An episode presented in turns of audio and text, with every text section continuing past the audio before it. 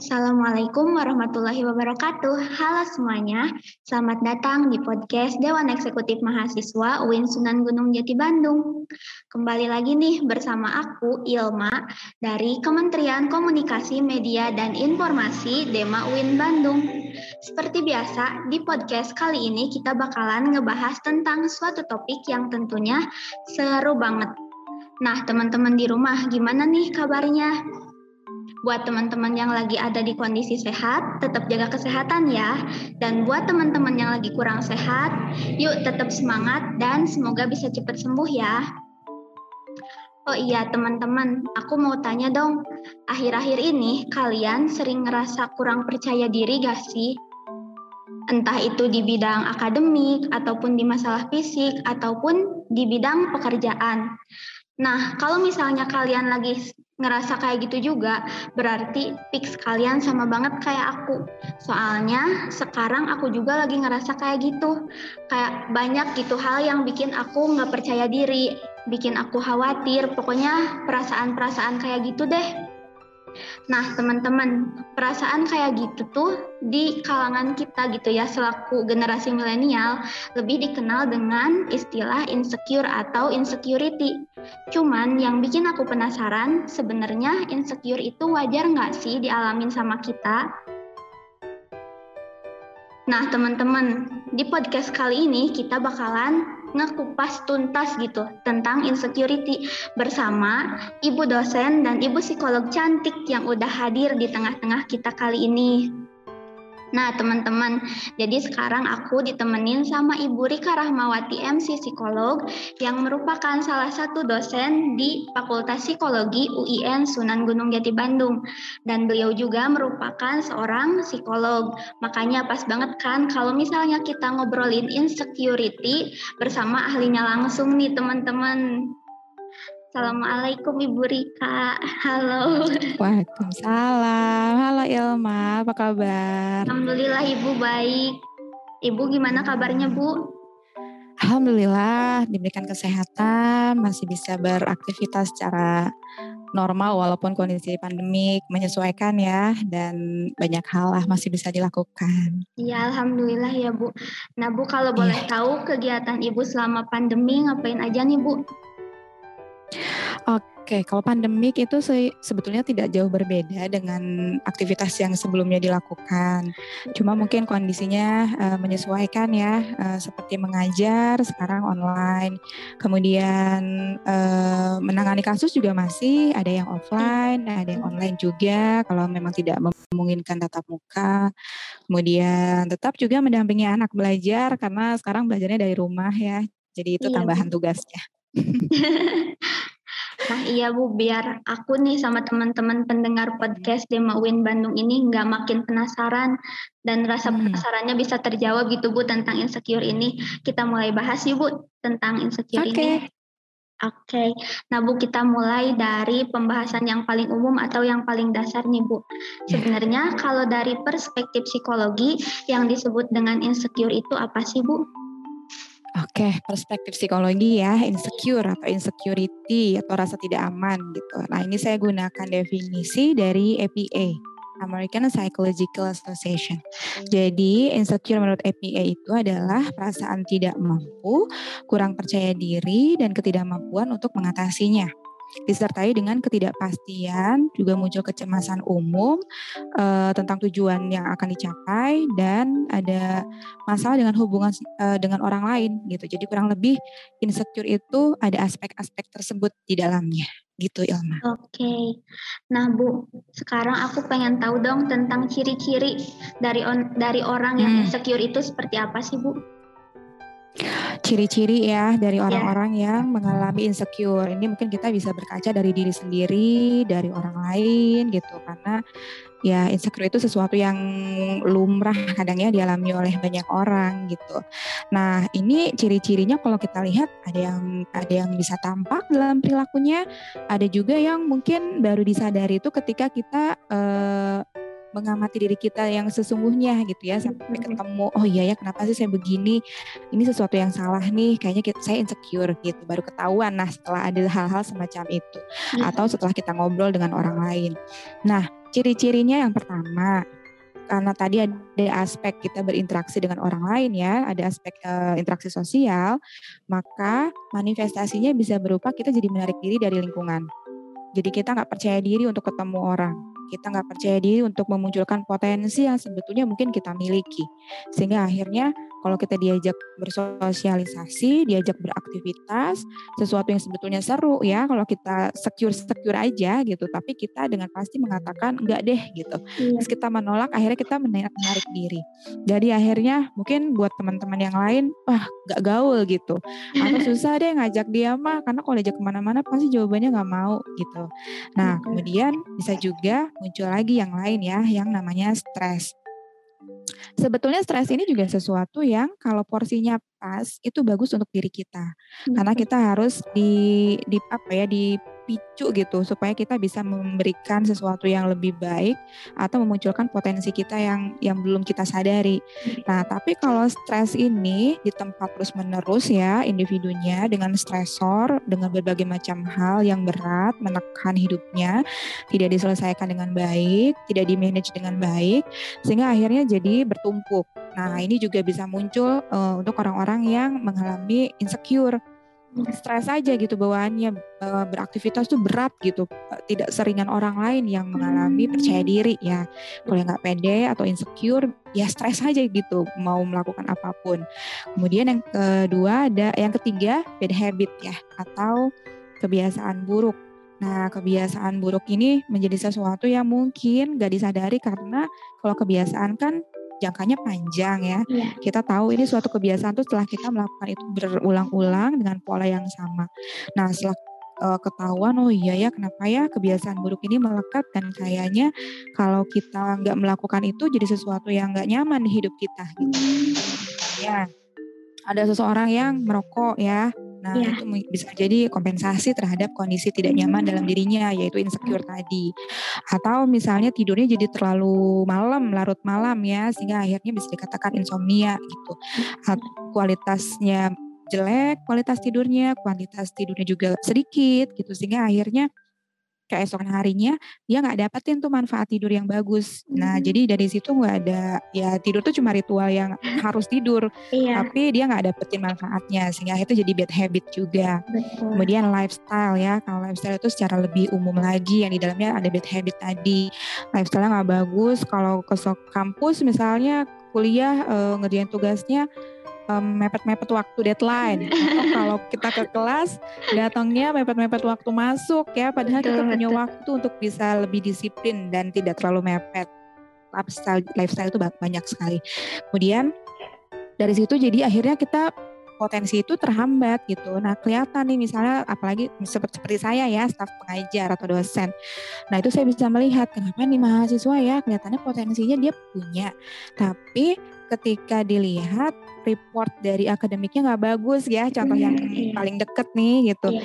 kalau dilihat-lihat dari beberapa ciri dari beberapa aktivitasnya dia tuh mampu sebetulnya tapi misalnya IPK-nya kok jelek gitu terus ada perilaku-perilaku lain yang mendukung sehingga akhirnya kayaknya potensi dia terhambat nih ada sesuatu kah di situ nah itu bisa jadi mungkin iya. ada kondisi insecure tadi yang akhirnya membuat dia jadi tidak percaya diri atau hal lainnya atau misalnya tadi menghambat dia untuk berinteraksi sosial dengan orang lain sehingga akhirnya potensinya tuh terpendam gitu nggak iya. kelihatan iya. kurang lebihnya itu Ilma uh, ciri-ciri dari insecure Oke okay, baik bukan tadi Ibu udah ngasih tahu nih kita pendengar eh. podcast Dema Win Bandung mengenai ciri-ciri dari orang yang insecure.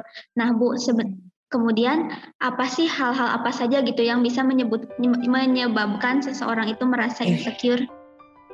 Oke, penyebabnya ya, ini yang harus kita tahu nih. Setelah kita mungkin e, merasa insecure atau setelah kita tahu teman kita insecure, setidaknya nanti kita bisa bantu orang lain atau bantu diri kita sendiri yeah. dulu iya. dari tahu penyebabnya apa gitu kan. Nah, ada beberapa hal yang bisa menjadi penyebab munculnya insecure dari dalam diri seseorang. Yang pertama pola asuh. Nah, pola asuh itu kita kembali runut ke masa lalu kita. Kalau kita sekarang udah di usia-usia uh, mungkin seperti Ilma remaja akhir atau mau masuk dewasa masa awal ya. Dan ya kalau pola asuh tuh kita bicara masa kanak-kanak dulu gitu yang ya itu masa lalu mungkin tidak bisa kembali lagi udah pasti nggak bisa kembali ya tapi kita masih bisa memperbaikinya gitu nah pola asuh ini juga kita bisa cegah kalau suatu saat nanti uh, kita memberikan pengasuhan kepada anak supaya nanti tidak terjadi hal yang sama atau belajar dari pengalaman orang bahwa insecure itu bisa disebabkan karena pola asuh yang uh, tidak baik. Nah pola asuh ini uh, bisa misalnya orang tua menerapkan pola asuh yang terlalu ketat atau otoriter. Um, hubungan antara orang tua dengan anak tidak hangat ya, jadi dingin yeah. gitu. Power itu hanya ada di satu pihak saja yaitu orang tua punya aturan, tapi atu, uh, aturan itu orang tua yang uh, memunculkannya. Tidak ada dialog, tidak ada komunikasi antara orang tua dengan anak, sehingga akhirnya ya anak tuh pengennya sih tanya, pengennya protes, kenapa sih aturannya gini, tapi nggak ada kesempatan untuk itu, karena jangankan untuk bertanya ya, uh, ketemu sama orang tua aja itu suasananya udah horor gitu di rumah. Ngedengar suara ayah atau ibunya bicara atau batuk aja itu udah gitu. nah, ada suatu ketidakhangatan, ada suatu kondisi jadi insecure attachmentnya gitu, ada suatu kelekatan yang akhirnya membuat dia jadi merasakan tidak nyaman ada di rumah. Atau misalnya orang tua ngasih hukuman terlalu berat sampai ke hukuman yang verbal terlalu menyakitkan ya, eh, atau fisik ada abusive di situ, jadi kondisinya child abuse, anak yang diberikan kekerasan oleh orang tua atau orang dewasa yang ada di sekitarnya. Sehingga itu menjadi suatu kondisi traumatik dan akhirnya merembet kepada suatu kondisi yang namanya inner child. Mungkin ya kalau sekarang iya, pernah iya. dengar sering dibahas mengenai itu. Sehingga akhirnya ketika dewasa ya jadi insecure orangnya bawaannya takut gitu. Jadi seolah-olah dari alam bawah sadar dia tuh mengatakan kamu nggak boleh gini. Kalau kamu gini nanti kamu salah. Kalau kamu salah nanti kamu dapat hukuman. Nah jadi skema yang terjadi di masa lalu tuh muncul lagi di masa ketika dia dewasa karena tidak diselesaikan dengan baik kondisi itu. Itu pola asuh ya kurang iya, lebihnya ya, seperti itu. Kemudian eh, daya tahan mentalnya dia ya, eh, pen tolerance juga itu bisa menjadikan seseorang mengalami kondisi insecure. Hmm. Nah ini penting ya makanya kita tuh hidup perlu stres. Ketemu stresor tuh jangan dianggap bencana gitu karena uh, kalau kita kembali lagi kepada ajaran agama Allah tidak akan memberikan sesuatu melebihi kemampuan kaumnya ya, hambanya. Kemudian uh, kalau kita dikasih ujian, ya kita mindsetkan saja bahwa itu bisa mengangkat derajat kita. Sehingga kalau kita dikasih stresor, ya uh, kita atasi itu dengan baik. Tapi ada orang yang tidak bisa mengatasi itu. Mungkin karena kondisinya memang pentoleransinya tidak terlatih dengan baik ketika kembali lagi waktu kecil. Nah kalau hidup penuh dengan cobaan keras ya hidupnya mungkin itu bisa kita muhasabahkan bahwa ini salah satu cara supaya kita bisa terlatih sehingga kita nggak mudah jadi merasakan insecure gitu karena ada kondisi orang lain yang jauh lebih uh, parah mungkin daripada kita ketahanan psikologis atau ketahanan mental itu yang kedua. Yang ketiga jadi kepribadian ya. Kalau kepribadian ini sudah lebih menyeluruh dan ini akan terlihat ketika seseorang sudah masuk usia dewasa. Kalau masa anak-anak tuh masih masa-masa uh, ditabung gitu kondisinya ya. Dapetin pola asuh kemudian di, diserap internalisasi oleh anak kemudian uh, masuk memori long term memori kemudian sampai dewasa akhirnya menjadi suatu kepribadian yang utuh. Dia menjadi seseorang yang seperti apa jati dirinya. Nah itu. Jadi itu kurang lebih uh, tiga hal uh, menurut saya yang bisa menyebabkan seseorang menjadi atau mengalami insecure. Itu Ilma. Oke, nah Bu, aku tuh sering banget nih dapat pertanyaan ini dari teman-teman yang lain. Sebenarnya uh, insecure yang secara berlebihan itu termasuk ke dalam salah satu mental disorder atau gangguan mental, ataukah insecure itu hanya bisa uh, menyebabkan gitu Bu ke mental disorder? Ya, uh, insecure ini sebetulnya bisa terjadi pada siapa pun ya tapi tadi kembali uh, porsinya gitu hmm. uh, dosisnya ya kalau kita bicara yeah. kadarnya sejauh apa dia mengalami insecure. Dan setelah itu kalau dia udah insecure dia aware nggak dengan kondisi insecure-nya dan dengan awarenya itu dia melakukan apa. Tapi kalau misalnya dia tidak sadar tidak peka dengan kondisinya setelah itu dia juga ter apa ya eh, tenggelam dengan kondisi insecure-nya sehingga akhirnya dia tidak bisa adaptif terhadap tuntutan lingkungannya itu bisa menghantarkan dia menuju kondisi-kondisi yang lebih parah sehingga akhirnya menjadi gangguan mental yang lebih parah dan akhirnya harus diselesaikan dengan konseling atau dengan terapi yang lebih profesional gitu. Tapi kalau insecure ini masih sesuatu yang baru uh, muncul ya kadarnya tidak terlalu tinggi gitu. Hmm. Ini masih bisa diselesaikan dengan cara-cara yang sehari-hari gitu. Kemudian kita curhat ke teman juga akhirnya bisa yeah. dapat solusi. Uh, kemudian perilaku adaptif kita bisa muncul setelah kita ngobrol sama teman karena ada sharing gitu ya sesama teman yang mungkin juga mengalami hal yang sama. Nah itu masih oke, okay, masih tidak bisa tidak dikatakan gangguan mental yang berat gitu. Yeah. Tapi tadi ya kembali kalau ini terus berlanjut dan diselesaikan berat uh, harus ditangani secara profesional bahkan mungkin tidak hanya dengan psikoterapi tapi dengan farmakoterapi ya udah ini jadi sesuatu yang bisa dikatakan gangguan mental yang lebih serius lagi gitu. Oke. Nah, bukan tadi Ibu uh, apa sempat menyinggung ya kalau misalnya uh, insecure itu bisa dialami oleh siapa pun. Nah, ya. uh, sebenarnya apa tiap apa namanya teh tingkatan usia punya kadar insecure-nya masing-masing atau misalnya uh, siapa pun itu bisa gitu Bu ngerasain insecure di tahap yang seperti itu. Ya, ya. Ya, sebetulnya uh, ini bisa terjadi di semua usia ya. Karena kita juga uh, gini, pada umumnya manusia itu selalu ada dalam selalu ingin ada dalam kondisi nyaman. Bayi aja bisa nangis kan. Itu salah satu komunikasi yang bisa diberikan dan akhirnya menjadi interaksi sosial antara bayi dengan orang tuanya gitu karena dia mungkin mengalami suatu kondisi tidak nyaman atau misalnya uh, anak ya anak yang baru mau masuk sekolah nih anak baru mau masuk TK atau mau masuk SD mereka akan mencari kondisi-kondisi yang membuat mereka nyaman. Termasuk misalnya kondisi fenomena sekarang nih, anak-anak juga bisa insecure kalau misalnya terlalu lama ada di belajar yang uh, daring ya, yeah. karena dia tidak bisa melihat dengan pasti bagaimana uh, guru mendengar dengan pasti, melihat yeah. dengan jelas teman-temannya, terus menangkap informasi dengan jelas sehingga akhirnya dia jadi insecure. Sebenarnya ini pelajarannya gimana sih? Tugasnya apa sih gitu. Jadi yeah. ini jadi pada anak-anak juga. Kemudian remaja udah pasti karena di situ ada suatu karakteristik tersendiri untuk tumbuh kembangnya. Yang mana remaja itu kan sangat uh, identik dengan storm and stress ya. Mungkin Ilma yeah. pernah belajar ini sangat ada identik dengan badai dan kondisi stres ditambah dengan hormonal. Jadi uh, kondisi insecure ini juga bisa terjadi. Dewasa sama walaupun usia dewasa itu menunjukkan suatu kondisi dekat dengan kematangan ya dengan kondisi berpikir yang sudah di taraf yang paling tinggi, tapi tetap aja kondisi insecure ini bisa terjadi karena mungkin ada ekspektasi yang tinggi, ada tujuan-tujuan yang belum tercapai, atau mungkin dia tidak yakin dia bisa mencapai tujuan itu. Termasuk hal-hal yang paling dekat dengan kita, misalnya kita ya Ilma ya, uh, body goals gitu. Kalau yeah. sekarang ya ada jerawatan dikit, ada orang yang yeah. mengalami insecure lebihan Betul. sehingga akhirnya nggak mau keluar rumah seperti itu. Nah muncullah produk-produk skincare sekarang yang akhirnya bisa yeah. membuat orang jadi merasa secure dengan kondisi muka yang flawless nih kayak Ilma nih waduh flawless banget. itu salah satu cahaya ibu ini mah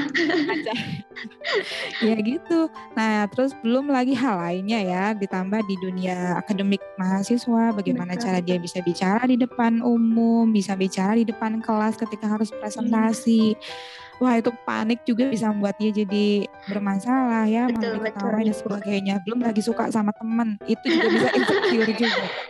Jadi kalau lihat dari usia sih semua bisa mengalami ini. Apalagi dia kalau sudah mulai punya interaksi sosial yang lebih luas ya. betul. ya seperti tadi punya teman di sekolah yang udah mulai banyak tuntutan mulai dari PAUD sampai ke mahasiswa sampai ke dunia kerja dunia pernikahan semua itu bisa menjadi potensi untuk kondisi insecure ini. Gitu Ilma Oke Ibu, nah kan kita tadi udah ngebahas ya mulai dari pengertian, ciri, penyebab dari yang secure. Nah sekarang aku pengen tahu dong Bu, cara biar bisa cara biar kita bisa mengendalikan gitu Bu rasa insecure okay. yang kita miliki. Caranya ya, iya. Uh, tadi ya sebetulnya basic-basic yang pertama kita cari tahu dulu sebetulnya kenapa sih kita kayak gini kenapa sih kita nggak nyaman? Kenapa sih kita selalu menghindari teman-teman yang sedang berkumpul gitu? Atau kita selalu uh, apa pun itu yang akhirnya buat kita jadi insecure ya. Yeah. Kita selalu ngaca gitu, dikit-dikit ngaca, dikit-dikit ngaca. Atau misalnya kita dikit-dikit tanya, eh, aku gendutan gak sih gitu ya. Yeah. Atau misalnya hal lain lah. Itu contoh yang paling anak-anak pun ada yang sampai ke situ. Ada yang sampai ke uh, aware atau atau cemas lah terhadap kondisi kulit. Anak-anak seperti itu ya ini hal menjadi suatu apa fenomena yang mungkin harus juga di, ditangkap dan orang tua harus peka ya. Nah, cari tahu dulu termasuk termasuk teman-teman ya yang yang kuliah ya. Kenapa sih kita kayak gini? Kenapa sih kita insecure? Masuk kelas aja duduk harus di belakang gitu, nggak berani duduk di barisan paling depan ya. Kenapa nggak mau? Takut banget tuh ditanya sama dosen. Nah, cari tahu kendalanya. Kenapa takut ditanya sama dosen? Kalau kita tahu jawabannya, jawab aja. Oh, dosen pasti akan mengenal kita kan, sehingga akhirnya membuat kita jadi lebih baik lagi dan lebih dikenal dosen dengan nilai yang lebih baik. Kemudian setelah kita cari tahu kendalanya, kita naikkan PD kita gitu. Nah, naikkan PD-nya dengan cara kita harus belajar banyak hal.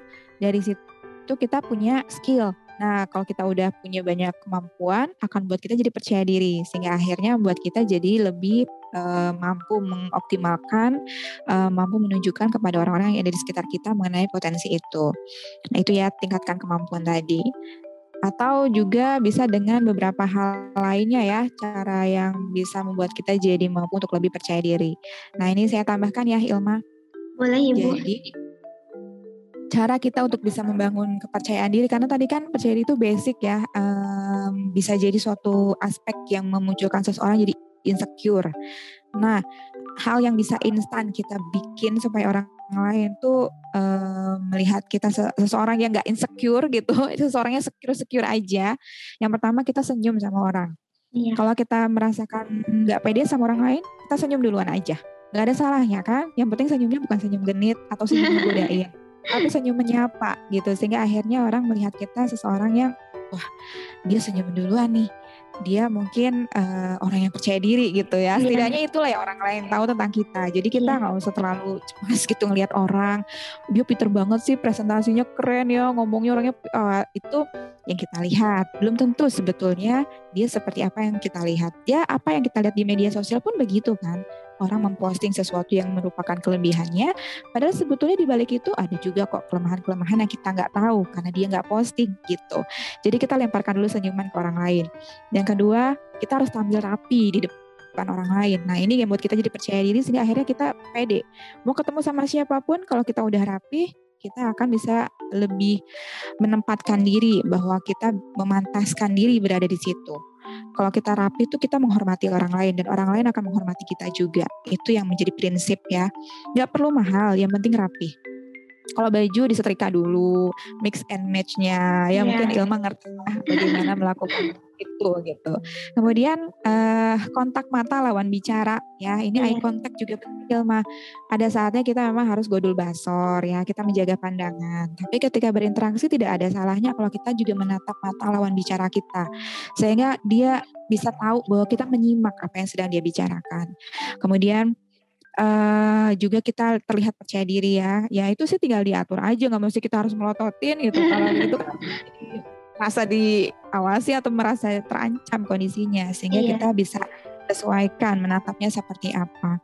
Kemudian berpikir positif juga ya. Uh, you are what you think itu betul sekali bagaimana diri kita kalau kita merasa bahwa ada saya adalah orang yang insecure, saya adalah orang yang insecure, saya adalah orang yang insecure, ya udah kita akan jadi orang insecure gitu. Ya ucapan itu doa itu betul. Jadi kita harus berpositif thinking bahwa saya adalah orang yang secure-secure aja. Saya punya kelemahan, saya juga punya kelebihan. Tapi tidak membuat saya jadi sombong gitu. Saya bisa iya. menempatkan diri dengan orang-orang yang lain. Kemudian jadi diri sendiri ya. Iya. Kita mungkin punya idola, kita mungkin punya sosok yang ideal, yang ingin kita contoh. Tapi kita juga harus uh, tetap menjadi diri kita sendiri. Sehingga akhirnya kita nyaman dengan pembawaan diri kita. Kita nggak terlalu terseret-seret dengan bayangan orang yang ideal itu gitu. Kalau kita nggak mampu kan bahaya ya. Tapi kalau kita mampu sih oke-oke aja gitu. Jadi be yourself itu juga penting. Kemudian bicara dengan suara yang jelas. Nah, Ilma ini juga ya salah satu hal yang mungkin kita bisa coba latih. Ketika yeah. bicara tuh pastikan kita yakin dengan apa yang kita sampaikan. Nah, kalau kita yakin gimana? Ya kita harus cari tahu dulu yang kita sampaikan tuh betul atau tidak. Jangan sampai itu omong kosong ya, atau yeah. hoax yang kita sampaikan. secara tidak sadar kita jadi seperti yang terlihat ragu-ragu, sehingga orang akan melihat kita juga meragukan kita gitu. Iya. Nah, kita harus cari tahu banyak hal, kita belajar banyak hal sehingga kita nanti uh, tahu bahwa itu suatu kebenaran, kita sampaikan itu menjadi sesuatu yang pasti. Belajar juga untuk berbicara secara sistematis ya kalau kita mau bergaul dengan orang lain. Hmm. Nah, itu semua dilatih sehingga akhirnya kita uh, secara perlahan akan menjadi secure. Insecure lama-lama hilang. Kalau sekarang insecure ya nggak apa-apa, lesson learn. Kita belajar dari pengalaman, learning by doing gitu. Jadi semua orang punya hari pertama masuk sekolah. Yeah. Semua orang punya hari pertama stresnya itu muncul, tapi semua orang bisa beradaptasi dengan waktunya masing-masing. Nah, ini yang kita pelajari. Kita belajar aja dari situ. Kita yakinkan bismillah ikhtiar untuk suatu kondisi yang lebih baik sehingga kita jadi secure gitu Ilma kurang lebihnya. Oke, Ibu. Oke, Ibu kita lanjut okay. ya. Ya. Uh, kan tadi Ibu sempat nyampein ya, Bu, uh, apa sih kayak biar kita itu love yourself gitu kan, lebih mencintai diri sendiri.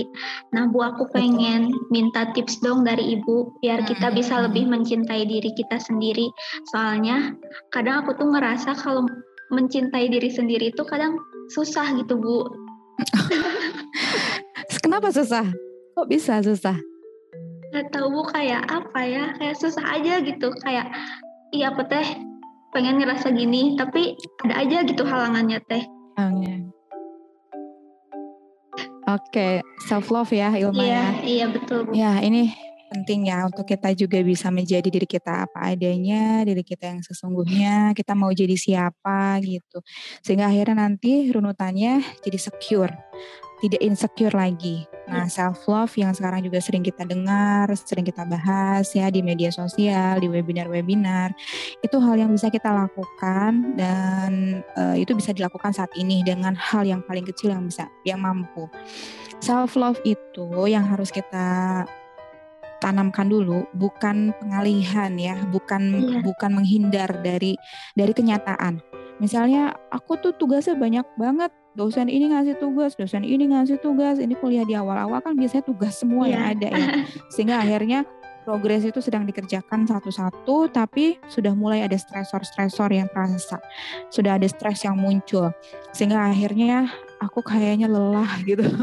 aku sudah fatigue dengan semua ini. Belum ada yang fatigue Zoom juga ya. Bah, banyak yeah. banget ya hal yang dikeluhkan. Sehingga akhirnya kita merasa kita ada dalam kondisi yang menderita gitu. Nah, kalau udah begini kita merasakan kelelahan, betul kita harus melakukan self love. Self love-nya itu bukan berarti kita udahlah uh, kita out aja dari kenyataan ini saya nggak sanggup saya harus self love kalau saya kerjakan nanti saya bisa bisa stres gitu misalnya ya atau saya bisa mengarah ke arah depresi gitu itu defense mekanismenya tapi kan kita tahu dosen itu memberikan tugas itu tidak akan memberatkan sebetulnya ya Betul. kalau kita lihat sisi baiknya berarti mungkin di situ uh, manajemen waktunya yang belum tepat sehingga Betul. akhirnya kita harus mengerjakan semuanya dan kita harus bisa menempatkan mana waktu untuk me time, mana waktu untuk mengerjakan semua dengan status sosial kita sebagai mahasiswa, sebagai dosen untuk saya misalnya, sebagai ibu, ibu juga, iya. sebagai anak ya mungkin untuk Ilma, sebagai sahabat, sebagai status sosial yang lainnya. Nah, ada saatnya kita diajak juga misalnya kita jalan-jalan yuk, kita kongko yuk tapi kita takut dengan kondisi COVID sekarang ya, yeah. sehingga akhirnya kita pengen nolak no gitu. Cuma ada kalanya kita nggak tega ngomong yeah. karena nggak enak ngomong tidak yeah. ya, sehingga akhirnya self love-nya nggak ada, nggak dapet. Kita pengen di rumah, kita pengen istirahat, kita pengen ngerjain tugas gitu. Itu kondisi yang ada. Nah, self love itu selain tadi ya misalnya oke okay, kita break boleh, break sebentar. Kita luangkan waktu untuk bisa lebih mindful dengan keadaan ini. Kalau kita lelah, kita rasakan bagian tubuh mana yang sakit hmm. karena mungkin bisa psikosomatis. Ada satu titik terlemah di diri kita yang akhirnya diserang karena mungkin kondisi psikis kita sedang nggak baik ya. Misalnya ada orang yang stresnya jerawatan, ada yang iya. stresnya ke lambung, asam lambungnya jadi tinggi, ada yang stresnya ke pundak uh, sakit gitu pundaknya ya. Uh, kemudian yang stresnya ke kepala jadi migrain. Banyak. Tiap Betul. orang beda-beda. Ada yang sakitnya muncul asma atau kepernapasan dan lainnya. Betul. Nah, itu yang kita mulai dulu kita peka kita ngobrol sama badan. Kamu kenapa badan? Gitu ya kalau kita bisa ngobrol. Iya. Apa yang kamu rasakan? Kamu sakit di situ ya? Oke maaf ya selama ini aku terlalu keras bekerja Betul. terus aku terlalu aku terlalu egois tidak memperhatikan kesehatanmu gitu. Kan kita juga harus ngobrol self hypnotherapy dengan dengan badan kita sendiri gitu. Kalau kita mungkin saat itu tidak bisa mengandalkan orang lain untuk membantu kita. Nah, udah begitu kita setelah aware, setelah mindful ya lebih tenang gitu, kita harus lakukan sesuatu. Misal tadi udah lelah nih, kita duduk bikin coklat anget gitu ya. Itu juga self love kan, memunculkan sesuatu yang bisa bikin kita bahagia, hormon dopamin kita dipancing. Uh, makan coklat sedikit kan nggak akan bikin gendut atau iya, bikin jerawatan. Betul, atau betul. misalnya kita makan apa mie instan pakai telur ya hangat-hangat iya. itu itu udah bikin happy juga iya. kan. Sesuatu yang murah tapi bisa bikin bikin kita lebih mencintai diri.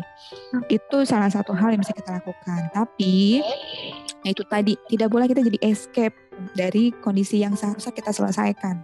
Iya. Saya harus self love bu, jadi saya nggak mau ngerjain tugas lah itu defense mechanism tadi. Justru self love itu terkadang uh, kita lakukan dengan sesuatu yang sedikit uh, seperti seperti apa ya menempa gitu.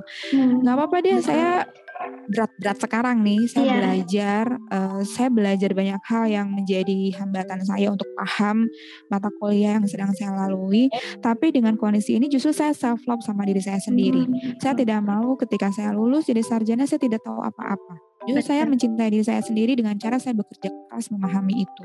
Dan caranya adalah dengan menyelesaikan tugas-tugas yang sudah ada deadline-nya, okay. manajemen waktu dan sebagainya.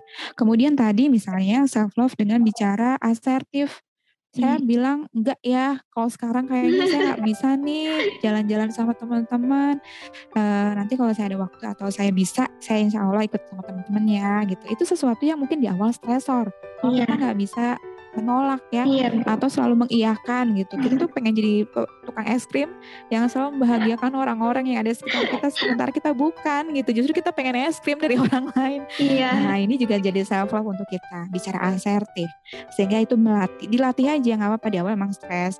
Iya. Kita bicaranya gimana ya supaya orang lain nggak tersinggung. Betul, Tapi kita juga pengen menyampaikan itu latih aja. Kadang kita biasanya juga pasif agresif ya. Aku diajak jalan-jalan sama dia dia mah gak ngerti aku aku lagi sibuk. Misalnya gitu nah betul, itu betul betul betul. Nya dengan cara kita berlatih menyampaikan sesuatu secara asertif tadi. Kita komunikasikan keinginan kita apa tapi kita jaga perasaan orang lain jangan sampai tersinggung dengan penolakan kita itu. Betul. nah itu bagus banget untuk dilatih ya dan kalau kita sudah punya skill itu ya, interaksi sosial kita jadi lebih bagus dengan orang lain. Kita nggak nyari musuh, kita nggak munculin konflik terus ya, dan kita jadi secure karena kita punya yang baik di sekitar kita. Tapi kalau kita hanya agresif, ngomongnya kasar ya, nolak-nolak aja nggak jaga perasaan orang ya pasti jadi lama-lama insecure juga. Iya. Walaupun dia bertopeng secure, tapi mungkin di dalam hatinya dia insecure karena dia tidak nyaman dengan teman-teman yang memusuhi dia. Gitu. Jadi itu self love ya Ilma. Iya, kita betul. bisa break sebentar, melakukan sesuatu yang kita suka, tapi tapi self love bukan bukan peralihan, bukan menghindar, tapi juga bisa berupa sesuatu yang mungkin keras untuk kita saat ini, tapi kita iya. mencintai kita di jangka yang panjang untuk masa depan nanti. Gitu. Oke, terima kasih Ibu untuk penjelasannya. Tuh teman-teman kan kita udah dikasih nih tips sama Bu Rika tadi cara untuk mengatasi insecure, kemudian cara untuk self love. Berarti sekarang kita tinggal prakteknya nih teman-teman. Soalnya kan apa ya seperti kita tahu gitu, kita itu belum bisa untuk mencintai orang lain sebelum kita bisa mencintai diri kita sendiri. Iya nggak sih teman-teman? Oh iya Ibu karena tadi kan permasalahan yang secure udah kita bahas nih Bu, udah bahas hmm. sampai ke akar-akarnya. Terus sekarang kita udah ada di penghujung podcast nih Bu. Iya. Sebelum aku akhiri, Ibu ada yang mau disampaikan dulu nggak untuk teman-teman pendengar podcast Dema Win Bandung? Oke, untuk teman-teman pendengar podcast Win Bandung, uh, kita cintai diri kita, kita jadi diri kita apa adanya dengan cara kita mengenali apa sih sebetulnya kelebihan-kelebihan yang kita miliki supaya kita bisa memunculkan itu menjadi sesuatu yang sangat potensial sehingga kita bisa mengembangkan bakat kita sesuai dengan minat kita. Nah, dari situ juga kita bisa menyeimbangkannya dengan cara kita tahu sebetulnya apa kelemahan kita. Sehingga dari situ kita bisa mengantisipasi dan tetap beradaptasi dengan baik di lingkungan kita. Sehingga kita bisa tetap memenuhi tuntutan-tuntutan lingkungan dengan cara yang baik. Nah, dengan menyeimbangkan antara kelebihan dan kelemahan yang kita miliki, maka kita bisa menjadi diri kita apa adanya tanpa terlalu sibuk dengan tuntutan lingkungan uh, ingin seperti apakah kita tapi kita tidak sanggup gitu ya. Jadi sehingga hidup kita menjadi lebih ringan, kita menjadi lebih secure, tidak merasakan insecure berlebihan gitu. Ya kurang lebihnya seperti itu Ilma. Baik Ibu, terima kasih banyak. Ibu, aku juga mau ngucapin makasih udah mau jadi narasumber di podcast kita kali ini. Pokoknya aku seneng banget bisa ngobrol banyak sama Ibu. Sama-sama Ilma, semoga bermanfaat untuk semua ya. Iya Ibu, amin. Sangat bermanfaat sih Bu ini mah. Oke, aku juga mau ngucapin makasih nih buat seluruh pendengar podcast Dema UIN Bandung. Teman-teman jangan bosen ya untuk terus dengerin podcast kita, soalnya di episode-episode berikutnya pasti bakalan banyak banget topik-topik seru yang bakalan kita bahas. Oh iya, terakhir banget nih teman-teman, untuk seluruh penonton podcast Dema UIN Bandung di YouTube, jangan lupa buat like, komen, dan subscribe akun ini ya. Sampai ketemu lagi. Dadah!